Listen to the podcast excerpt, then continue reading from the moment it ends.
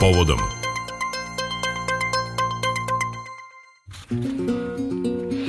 Deseti sati i 10 minuta stigli smo do naše rubrike Povodom, a u njoj jedan važan podsjetnik i sećanje da je tačno 81 godina od početka genocidne akcije mađarskih okupatora poznate kao Racija, kada su januara 1942. u Južnoj Bačkoj ubili više od 4000 Srba, Jevreja i Roma. E, vrhunac tog pogroma dogodio se 21. januara u Novom Sadu kada su mađarski fašisti ubili i pod led Dunava bacili najmanje 1300 nedužnih civila. Jedna od najvećih novosadskih tragedija trebalo bi da dobije svoj memorialni centar za čije dizajniranje je raspisan javni urbanističko-arhitektonski konkurs, a koji bi trebalo da se nalazi između kreativnog distrikta i mosta Sloboda slobode. O svemu tome za povodom je govorio direktor Istorijskog arhiva Novog Sada Petar Đurđev, a sa njim je razgovarao Slobodan Šorak. Gospodine Đurđev, mađarski okupatori su kao povod za raciju naveli akciju protiv šajkaškog partizanskog e, odreda. E, kasnije su se istoričari mahom priklonili tezi da je ta nesumnjivo genocidna akcija bila ranije planirana, a da je otkrivanje tog partizanskog odreda ipak bio samo povod? Ovde je apsolutno istina na strani istoričara koji su prikazali takav sled događaja. Treba znati da je početkom decembra 1941. godine glavni štab narodno-slobodilačkih snaga u Vojvodini donao odluku o obustavu svih akcija jednostavno silina udara okupatora prema narodno-slobodilačkom pokretu od juna 1941. godine bila takva da je ponestalo i ljudske i materijalne baze za izvođenje bilo kakvih operacija, a podsjećam naše slušaoce da mi pričamo ipak o jednom ravničarskom barskom terenu, tako da izvođenje bilo kakvih akcija u vremenu izuzetno velike zime je bilo apsolutno nemoguće. Tako da priča o nekom organizovanom ustanku svakako se nikako ne poklapa sa onim što možemo pronaći u dokumentima ili izvorima, a sa druge strane ta fabrikovana priča da su Srbi spremali neki ustanak za Božić je apsolutno opet e, nije u skladu sa istinom i onim realnim što se dešavalo, jer dakle mogla opšte da dođe pomoć ustanicima u to vreme, opet to je vreme da još uvek Treći rajh dobro stoji na ratištima u i u Severnoj Africi i u Istočnoj Evropi i to je naj, najbolje pokazuje da je u stvari bila jedna zakulisna igra samog vrha budimpeštanskih vlasti i ja verujem da ovakve distorzije istine na kakve možemo da nađemo jesu upravo proizvod onih umova koji pokušavaju da e, oslobode od odgovornosti one najodgovornije za izvođenje ove racije, a to je svakako Mikloš Hort i tadašnja mađarska vlada. E, često mi možemo čuti da je to bio e, problem lokalnih lokalnih Mađara sa Srbima, pa da onda na kraju Budimpeštanska vlast čak i intervenisala pa zaustavila tu raciju. To apsolutno nije istina. To sve ide u službu upravo onih ljudi koji su izvršili same te zločine i moramo reći da je prevashodno nekoliko faktora nagnalo e, tadašnje mađarske vlasti da izvrše ovaj nesumnjivo strašan zločin prema pravoslavnim Srbima i prema jevrejima. Prva stvar jeste ta vođenje dosledne ovaj, veliko mađarske politike prema Srbima, jer trebalo je slomiti Šajkašku i trebalo je slomiti Novi Sad, Šajkašku kao prostor Bački gde su Srbi procentualno e, demografski bili najviše zastupljeni, to je bivša vojna krajina, e, dom prkosnog i hrabrog srpskog naroda koji je vekovima uspeo da opstane na toj velikoj granici između hrišćanske Evrope i Osmanskog carstva. Novi Sad kao srpska Atina, kao ključni grad u procesu oslobođenja i ujedinjenja ovih prostora 1918. godine se svakako upravo zbog toga morao naći na toj listi za kaznu, ali sa druge strane Pored te velikomađarske politike imamo i jednu doslednu antisemitsku politiku. Podsjetit ću vas da je Hortijev režim prve zakone protiv jevreja dove već 1920. godine. U e, direktno uništenjem e, jevreja u Mađarskoj kreće se te 1944. godine, ali da bi se donekle umirio e, glavni spoljno-politički saradnik Mađarske, a to jeste bila nacistička Nemačka, ovde jeste dozvoljen slobodan lov, da tako da se izrazim na jevreje, kako bi se pokazalo da i Mađarska prati antisemitsku politiku. Politiku. To su dva faktora unutrašnje politike, imamo spoljnu politiku, pričamo o decembru 1941. godine, operacija Barbarossa je zaustavljena na predgrađima Moskve, Nemci su odbijeni 200-300 km unazad, što je značilo da će Nemačka tražiti od svojih saveznika nova ljudska pojačanja kako bi se borili na istočnom frontu. Kako su se borili Mađari na istočnom frontu najbolje svedoči jedna od komandi e, Sovjetske crvene armije koja je glasila da se mađarski vojnici ne mogu uzimati u zarobljeništvo. To, to mora biti jasno koje su zločine vršili jedan deo tih ljudi će se upravo naći i u Čurugu i u Južnoj Bačkoj 1942. godine. To je vrlo važno da bismo razumeli tu genezu i Mađarska želi da napravi taj manevar, da ne šalje svoju decu u sigurnu propast u stepe Ukrajine i Rusije i onda fabrikuje priču o nekom srpskom ustanku kako bi tako objasnili pred Berlinom zašto ne mogu da ispune njihove zahteve. 21. januara akcija je doživela kulminaciju u Novom Sadu kada je ubijeno, podled bačeno oko hiljadu 300 e, ljudi. E, da li se istoričari slažu oko brojeva, dakle broja stradalih e, ljudi? Kakav je bio odnos kada je reč o toj nacionalnoj strukturi? Pa, moramo reći da mi imamo negde oko 1300 utvrđenih jasno imena, međutim broj, broj da. ubijenih je po mom nekom skromnom mišljenju mora biti znatno veći.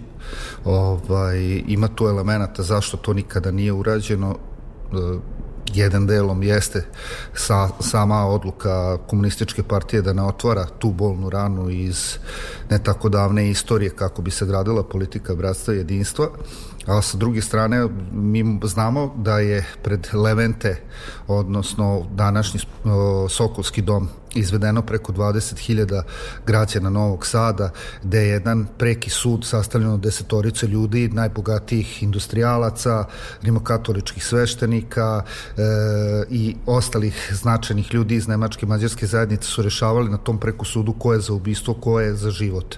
I jasno da se tu mnogo šta ne slaže u našoj čitovoj priči i ja verujem da je broj znatno veći, ali prema ovim podacima koje trenutno imamo, mi govorimo negde oko 800 ubijenih novosađana jevrejske e, nacionalnosti, negde oko 400 Srba, Naravno, bilo tu i stradalih i Rusa, i Slovaka, i Mađara, i Roma, ali opet treba napomenuti e, u ovoj akciji e, jasne žrtve i cilj izvođenja tog zločina jesu bili pravoslavni Srbi i Jevreji. Ovi ostali svi koji su stradali bili su usputna, usputne ili greške ili namerne stvari koje su vršile okupatorski vojnici. Tako da mi o tačnom broju ćemo tek moći da govorimo kada e, jasno sednemo i saberemo sve spiskove. Ja sam pregledao spisku, nekima ima nelogičnosti, negde se imena ponavljaju, čak sam našao neke ljude koji su ubijeni, a nema ih na spisku, tako da to zahteva jedan ozbiljan, ozbiljan pristup jedan mnogostruko veliki rad koji je pred nama nažalost opet radimo sa tom ogromnom, ogromnom uh, razlikom od 80 godina, to je sve trebalo da se uradi a, bar do 1955. godine, mi smo sada ulazimo u 2023. godinu. Ali evo, usud ove generacije istoričara i, i dobronamernih ljudi jeste da se angažuje po tom pitanju i da poku... Nikako ne bih želeo da e, propustim da kažemo koliki je bio ukupan broj stradalih ljudi, dakle u Novosadskoj raciji neke su pretpostavke da je 1000, najmanje 1300. Međutim, svi znamo da je racija trajala mnogo duže, počevši od 4. januara. Od 4. januara pa sve tu do 29. januara kad je završena u Starom Bečeju, tako da to su tri krvave nedelje gotovo ovaj, kada su Srbi i Jevreji stavljeni van zakona na određenim teritorijama tadašnje okupirane Bačke. O, o tačnom broju ubijenih moći ćemo da govorimo. E, na primjer, evo... Pominje se najmanje 4000. Kroz, kroz svoje istraživanje, samo kroz letimičan pregled arhivske građe vidimo da u Titalu postoji ogroman nesrazmer sa onim, pa da se vratimo i na Čurug, mnogo stradalni, e, gde svaničnim podacima govorimo oko 800 ljudi, a opet imamo uh, jednog od preživelih iz tog šajkaškog partizanskog odreda koji je bio prvi na udaru mađarske okupatorske vojske u janu 42. godine, gde je čuveni posle komunistički funkcioner Milorad Ćurčin koji je bio pod, uh, znam, pod partizanski šifrovanim imenom Filip, gde on kaže da je u Čurugu bio jedno 2000 ljudi, što odgovara onome uh, što govore sami žitelji Čuruga. Tako da čeka nas ozbiljan zadatak, nauka da se uključi u sve to i sa svim raspoloživim resursima pokušamo da dođemo do broja ubijenih, mada meni je uvek najžalije kada se bavimo brojem ubijenih, da. ovaj, jedan čovjek da je stradao, to bi bilo Dovoljno. mnogo. Međutim, mi znamo da su stradale i žene od 95 godina pa do dece koje su bila novorođena.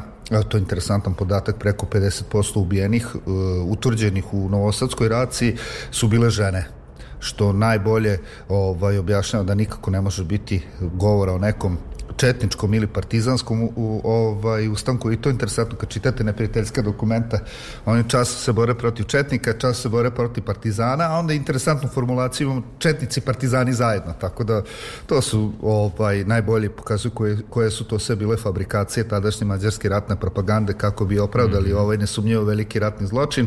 Ali imamo, imamo puno posla treba preći i mađarske arhive da ja mislim da ćemo imati i najviše iznenađenja i najviših podataka. I naravno naravno ovaj, pokušati da saberemo sećanja još ljudi koji su živi i da to se sve to snimi i sistematizuje. U tome će važnu ulogu igrati taj budući memorialni centar o kome ćemo svakako reći na kraju našeg razgovora par reči. E, u ovom istorijskom osvrtu na ono što se dogodilo, e, dakle, molio bih vas da nam pojasnite e, kako je došlo do obustavljanja akcije, koliko su na to uticali pojedini glasovi protivljenja u samoj Mađarskoj, odnosno kakav je zapravo bio taj Hortijev odnos prema čitavom zločinu? E, od prvog momenta izvođenja operacije u Čurugu i Žablju 4. januara uvedena je združena vojna komanda, što znači da svi lokalni organi vlasti, žandarmerija, policija i vojska bili su pod komandom vojske, što znači da su izvođene operacije kao da su na istočnom frontu. Zbog svega toga, e, dnevni izveštaj slati su direktno u mađarsku vladu i tadašnjem regentu admiralu Hortiju. Tako da, pominjem da neko nešto nije znao je blago rečeno naivno i ajde kažemo gotovo i zlonamerno, tako da tu nema spora da su mađarske vlasti znale šta se tu dešava i šta tu može sve e, i, šta, i kakve su bile velika stradanja. Ono što ja mogu da zaključim e, na osnovu ovih izvora, da tu je jednostavan zaključak da su se očigledno neke kvote tražile da po zadovoljenju e, određenog broja ubijenih, jel treba napomenuti e, u svim mestima da je izvođena racija, nedeljama pre toga formirani su spiskovi u, u, ljudi koji su bili za odstrel. U formiranju tih spiskova učestvovali su lokalni ovaj mađarski političari, e, često sveštenici rimokatoličke crkve, sama vojska i po tomu napred spremljenom spisku su ubijani ljudi. To možemo potvrditi i na osnovu Mošorina, na osnovu Kovilja, da je racija nije izvedena, e, Čuruga, što znači da su postojali ti spiskovi da je to jednostavno postojala neka kvota koja je neko određivao koliko treba biti uh, ubijenih da bi se zadovoljila okupatorska vlast i to možemo zaključiti na osnovu Novog Sada da vidimo da taj uh, stepen ubistva od 21. 22. januara nije zadovoljio tadašnje okupatore, tako da su oni 23. januara znatno ubrzali taj sistem ubijanja i kada se došlo do određene brojke, oni su tada to zaustavljali i time jasno pokazali da kroz takvu jednu politiku žele da prevashodno dođu do svoje apsolutne političke dominacije na ovim prostorima, izmene etničke strukture i ono što je ključno što se nekako zaboravlja, ogromne pljačke Jel gazde u Južnoj Bačkoj i u Novom Sadu i bogati industrijalci bili su Srbi i Jevreji. Iz o, su, su, kroz ovu akciju pokušam da se izvrši i izmena ekonomske moći koja da, ta često postala. se zaboravlja taj aspekt čitave priče. Novi Sad je raspisao javni konkurs za idejno rešenje memorialnog centra posvećenog nastradalima e, u raciji. Možete li nam reći dokle se stiglo sa tim konkursom? Na inicijativu vladike Bačkog doktora Irineja Bulovića i tadašnjeg gradonačelnika Novog Sada Miloša Vučevića započet je kroz jednu radnu grupu e, proces pripreme konkursa za dobijanje idejnog rešenja za, za novi izgled memorialnog centra. Posle dugih pregovaranja pronađeno je odgovarajuće mesto. Ono se nalazi na prostoru bivše mostogradnje kod Mosta Slobode na Limanu, baš na ulazu na štrand. Zašto? Kod štranda je tamo bila najveća najveći stepen pogubljenja koji su izvršili okupatori tokom tro, te trodnevne racije. E, na sam konkurs prispelo je e, devet validnih radova. Iskreno da vam kažem, očekivao sam mnogo, mnogo više i posebno sam razočaran odnosom uh, katedre za arhitekturu u Novom Sadu i samih novosađena koja je to ova tema nije nekako mogla da motiviše da krene za rat. Čast onima koji su se prijavili, ali, ali zaista imamo ogromno čuđenje, da ne kažem neku težu reč e, prema novoseđanima koju ova tema nije uspela da inspiriše, da pokušaju da ostave jedan trajan trag u istoriji arhitekture Novog Sada i da daju svoj doprinos u izgradnji jedne nove kulture sećanja. No bilo kako bilo, ovaj, nijedan od nagrađenih radova nije u potpunosti zadovoljio ono što je dao kao svoje zadatke sam konkurs, tako da je dodeljena jedna druga nagrada i tri treće nagrade i uz doradu te druge nagrade mislim da ćemo dobiti jedno uspelo rešenje koje će na pravi način uh, pomiriti uh, arhitekturu samog tog dela grada Novog Sada sa novim memorialnim centrom i sa druge strane ovaj pružiti šansu da se eto posle 80 i više godina sećanja Novi Sad oduži ljudima koji su tada postradali i time ostavi trajan trag i pečat u, u, u, u kulturi sećanja Novog Sada. Dajte nam u najkraćim crtama kako bi trebalo da izgleda. Dakle, u skladu sa tim drugonagrađenim rešenjem, ali i zahtevima e, grada. Pa u suštini ono što nam je najvažnije dobit će se jedan modern izložbeni prostor sa prostorom za gostujuće izložbe, amfiteatrom i ono što je najvažnije što se nadovezuje na vaša prošla pitanja, a to jeste taj naučno-istraživački centar, jer kao što smo rekli, puno je otvorenih pitanja puno otvorenih pitanja i da se ne bi bavili nagađanjem, e, treba ući u tu jednu ogromnu priču i pokušati da kroz već davno zaboravljenu arhivsku građu dođemo do one realne slike šta se dogodilo, ko su počinitelji, ko su organizatori, ko su glavni krivci za ono što se dogodilo, a onda naravno da pokušamo da dođemo i do identiteta samih žrtava koje su postradale. Mi se u suštini ovde borimo za, za svaku ličnost. Nedavno je arhiv grada Novog Sada organizovao izložbu ubijenim sveštenicima, gde smo videli da su u roku od tri nedelje ubijeni 15 sveštenoslужitelja pravoslavne crkve. Sad trenutno sa kolegama iz Kulturnog centra i muzeja grada Novog Sada i naravno arhiva Vojvodine radimo izložbu o ubijenim lekarima tokom izvođenja racije gde smo došli već do broja od preko 30 ubijenih ljudi. Pazite, u tri nedelje 30 lekara ubijeno, to je to, Kre, krem to, to, to, je, to je, i to najbolje pokazuje da ovde nije bila borba ni sa četnicima, ni sa partizanima, već da su gađani ljudi koji su bili od ugleda,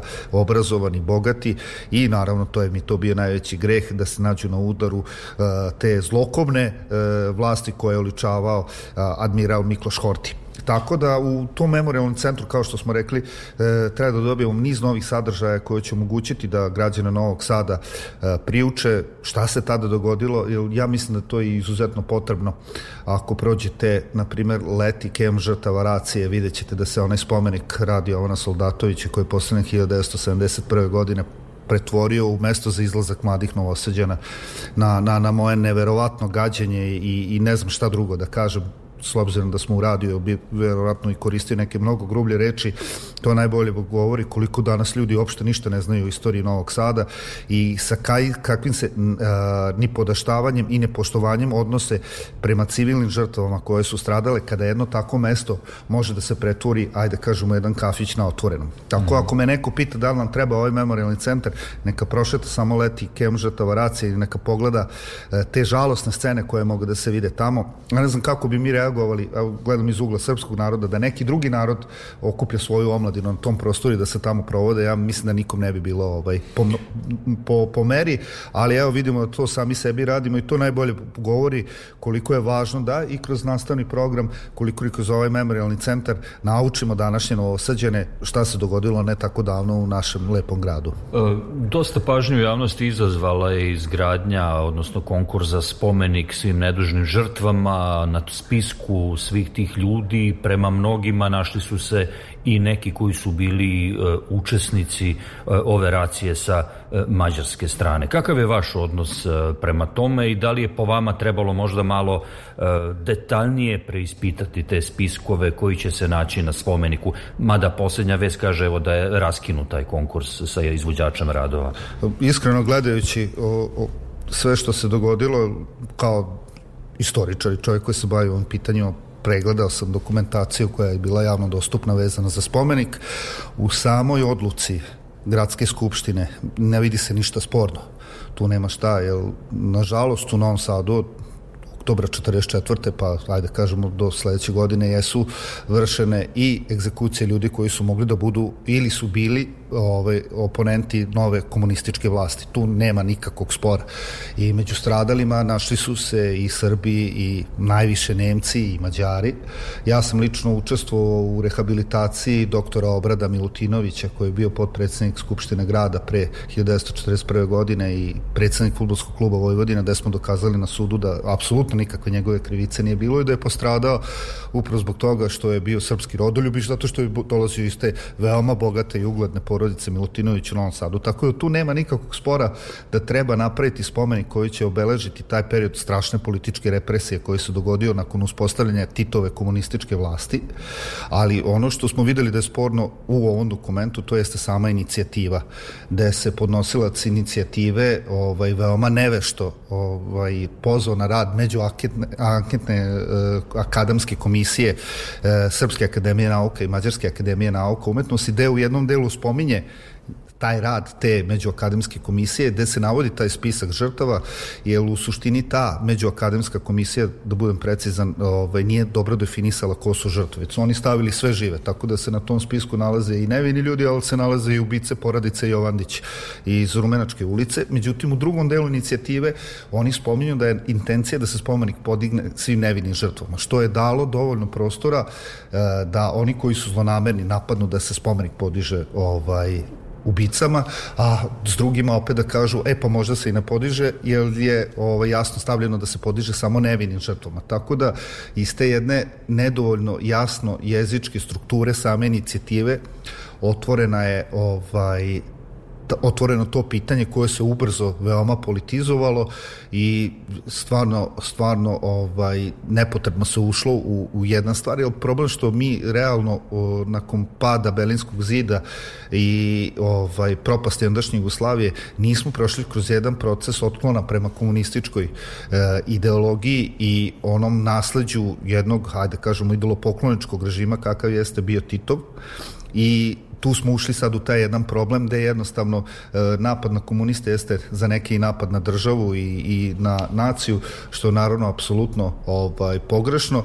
I tako da smo ušli u jedan lavirint dnevno političke borbe koji je u mnogom čemu već naneo ogromnu senku na tim čitavim spomenikom. A da li bi po vama trebalo preispitati taj spisak koji će o, se naći na tom spomeniku? A, pazite, to je opet jedna manipulacija, spiska nema na spomeniku, mm -hmm. nijednog, nijednog, nema, nijednog nema imena i on je napisan na tri jezika u, u spomen svim nevinim žrtvama 1944-45. Znači nema ni jednog spiska, nema ni jednog imena. Spominje se samo u inicijativi taj rad među akademske komisije koja je utvrdila sve žrtve a opet ne ulazeći to ko je krivi, ko je nevini i, i mm. podnosilac je pogros, pogrešio ogromno jer on je naveo da su te žrtve u Novom Sadu. Vi ako bacite samo letimičan pogled vidjet ćete da je tu barem 300 ljudi pomalo po brojnim logorima koji su bili van Novog Sada. Bar prvih 200 ljudi su ovaj osuđeni za teške ratne zločine. Tako da e, podnosilac inicijative u, u mnogom čemu ispao blago rečeno ovaj, nespremnom jednom tako velikom istorijskom izazovu kakav jeste da se ogradimo od onog što jeste bilo loše u, u, da, u, Titovom, u Titovom režimu. Naravno ja ovde kao opet građani Novog Sada i, i, i, i, na, i potomak tih ljudi koji su učestvovali u borbi za oslobođenje Jugoslavije, ovaj, apsolutno se protivim kriminalizaciji narodno-oslobodilačke borbe. 99% tih ljudi su uzeli pušku i branili državu od Vardara pa do Triglava i želje da donesu slobodu i da zaustave tu strašnu okupaciju koju su proizvali Hitler i njegovi sateliti i domaći izdajnici, ali e, sa druge strane treba reći da evo došlo je do tog uspostavljanja jednog e, jednopartijskog totalitarnog komunističkog sistema sistema kakav možemo uporediti sa današnjom Severnom Korejom u kojoj je olečovan u tom diktatoru Jugoslavije Josipa Brozu Titu i da od toga treba napraviti natklon.